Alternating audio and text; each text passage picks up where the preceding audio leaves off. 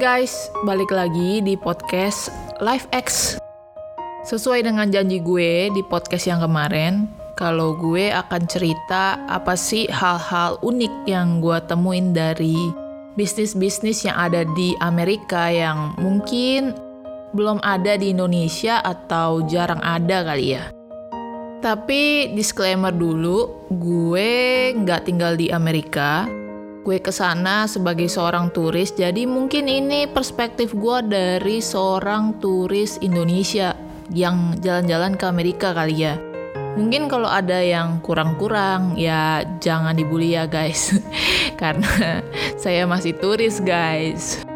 Dan mungkin yang gue share lebih banyak di area LA, San Diego, Seattle, karena mungkin gue mainnya ya around that area lah.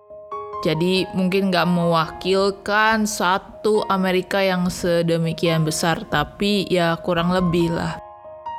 Yang pertama, kalau kita ke restoran dan makan di restoran, itu biasanya kita harus kasih tips.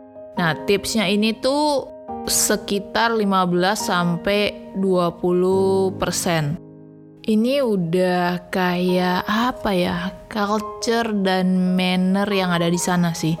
Jadi kalau misalnya kita makan tapi nggak ngasih tips di restoran, itu akan jadi aneh dan mungkin pihak restorannya jadi nganggap kenapa nih ada apa nih? Kenapa nggak dikasih tips? Apakah makanannya nggak enak atau ada sesuatu yang uh, fatal gitu sampai nggak dikasih tips? Jadi kayak secara normalnya orang makan di restoran itu pasti kasih tip.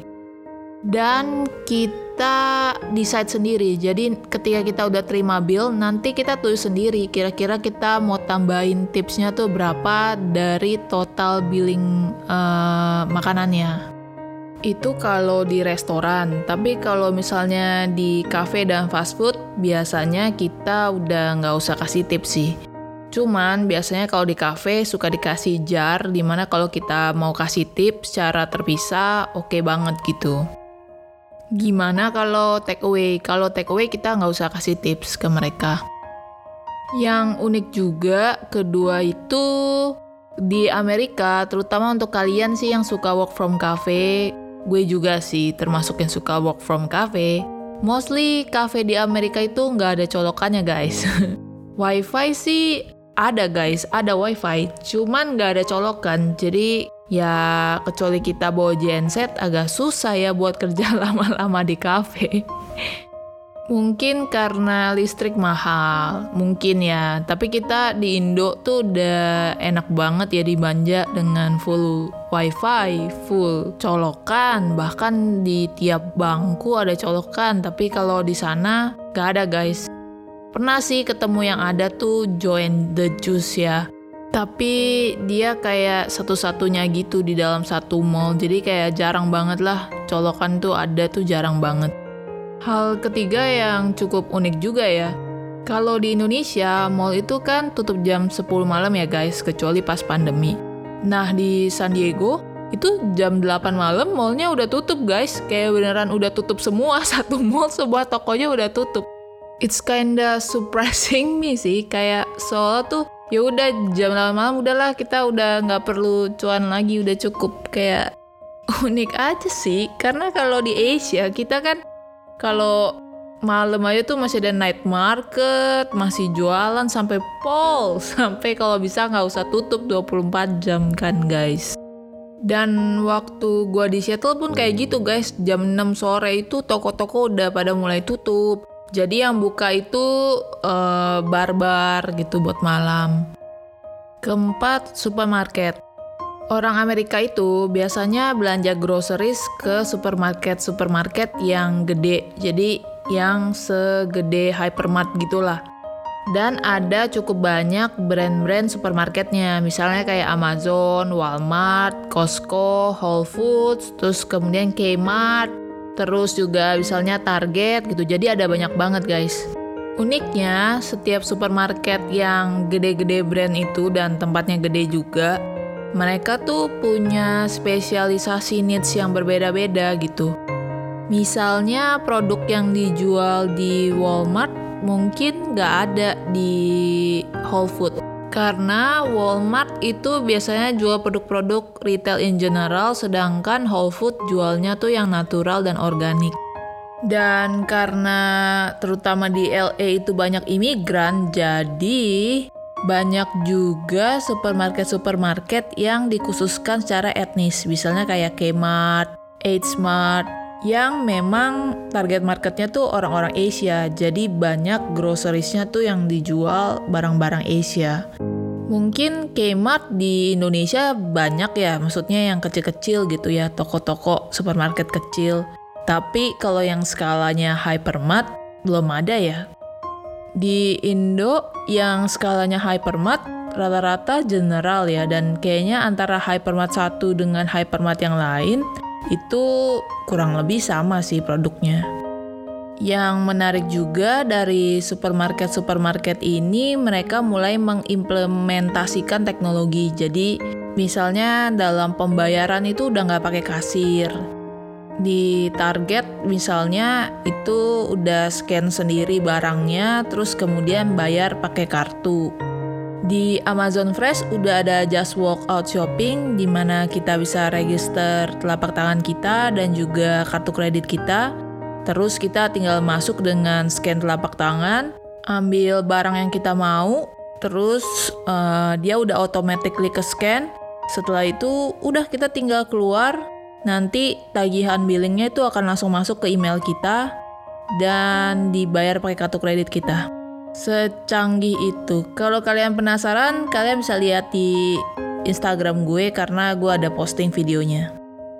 Hal kelima yang juga unik ya, itu kalau kita beli barang. Ini udah dari lama sih. Di Amerika itu kalau kita beli barang, kita tuh boleh kembaliin barangnya gitu. Meskipun alasannya tuh serece, misalnya gue beli sofa deh, terus gue taruh di rumah, tapi ternyata setelah gue pakai 30 hari gue merasa kayak sofanya itu nggak cocok lah ada di ruang tamu gue misalnya. Gue bisa aja kembaliin barangnya dan itu tuh legal. Secara waktu biasanya toko itu punya kebijakan yang beda-beda. Ada yang kalau elektronik tuh 15 hari terus kemudian ada yang 60 hari ada yang 30 hari. Jadi itu balik ke integritas pembelinya sih kayak kalau ada yang mikir ya udah deh gue beli iPhone. Terus habis itu 15 hari gue kembaliin gitu. Hanya karena mau ngerasain iPhone baru. Gue rasa possible aja sih cuman kayak itu balik lagi ke integritas masing-masing dan kayaknya ya bule-bule di sana tuh rata-rata nggak melakukan itu. Nggak nggak nggak common lah untuk ngelakuin hal kayak gitu. Hal keenam yang juga unik dan lucu ya menurut gue karena di Amerika drugs itu legal, itu kayak iklan drugs itu sampai ada di billboard guys, bayangin. Terus yang lucu itu tulisannya bisa di delivery ke rumah gitu. Kayak gua dayebak sih. Karena ya sebagai orang yang tinggal di Indonesia yang nggak mungkin menyentuh drugs dong. Itu tuh kayak ajaib aja sih menurut gua Oh, oh, ada yang lucu. Masa waktu gue ke supermarket itu ada sabun cuci muka merek uh, Biore di sana ya di Amerika ya. Itu sabun cuci mukanya tulisannya masa variannya ganja guys. Bayangkan guys, kalau di Indonesia lagi cuci muka bisa digrebek guys, diangkut. yang ketujuh mungkin terakhir ya. Um, kalau kita take away makanan di restoran, itu tuh kita harus masukin sendiri ke dalam kotak ya. Jadi kalau misalkan di Indo kan kalau kita makan tuh ada sisa, misalnya di restoran, kita tuh minta mbaknya bungkusin kan, kayak mbak ini sisa nih tolong dibungkusin ya buat dibawa pulang gitu. Tapi kalau di Amerika itu kita harus bungkus sendiri guys. Jadi kita minta kotaknya, terus nanti kita masukin sendiri makanan sisanya. Jadi ada banyak hal yang sebenarnya kita tuh dimanjakan banget sih menurut gue di Indonesia gitu ya. Yang di sana tuh kita mesti lakuin sendiri gitu. Mungkin segitu dulu yang bisa gue share tentang pengalaman gue melihat uh, bisnis-bisnis di Amerika tapi dari sudut pandang konsumen ya guys. Kalau kalian pengen tahu lebih banyak, kalian bisa follow IG gue karena gue suka posting-posting video dokumentasi selama di sana. Mungkin bisa nambah-nambah insight kalian dan membuka perspektif kalian atau dapat ide-ide baru untuk bikin bisnis di sini or anything. See you di next episode dan dadah.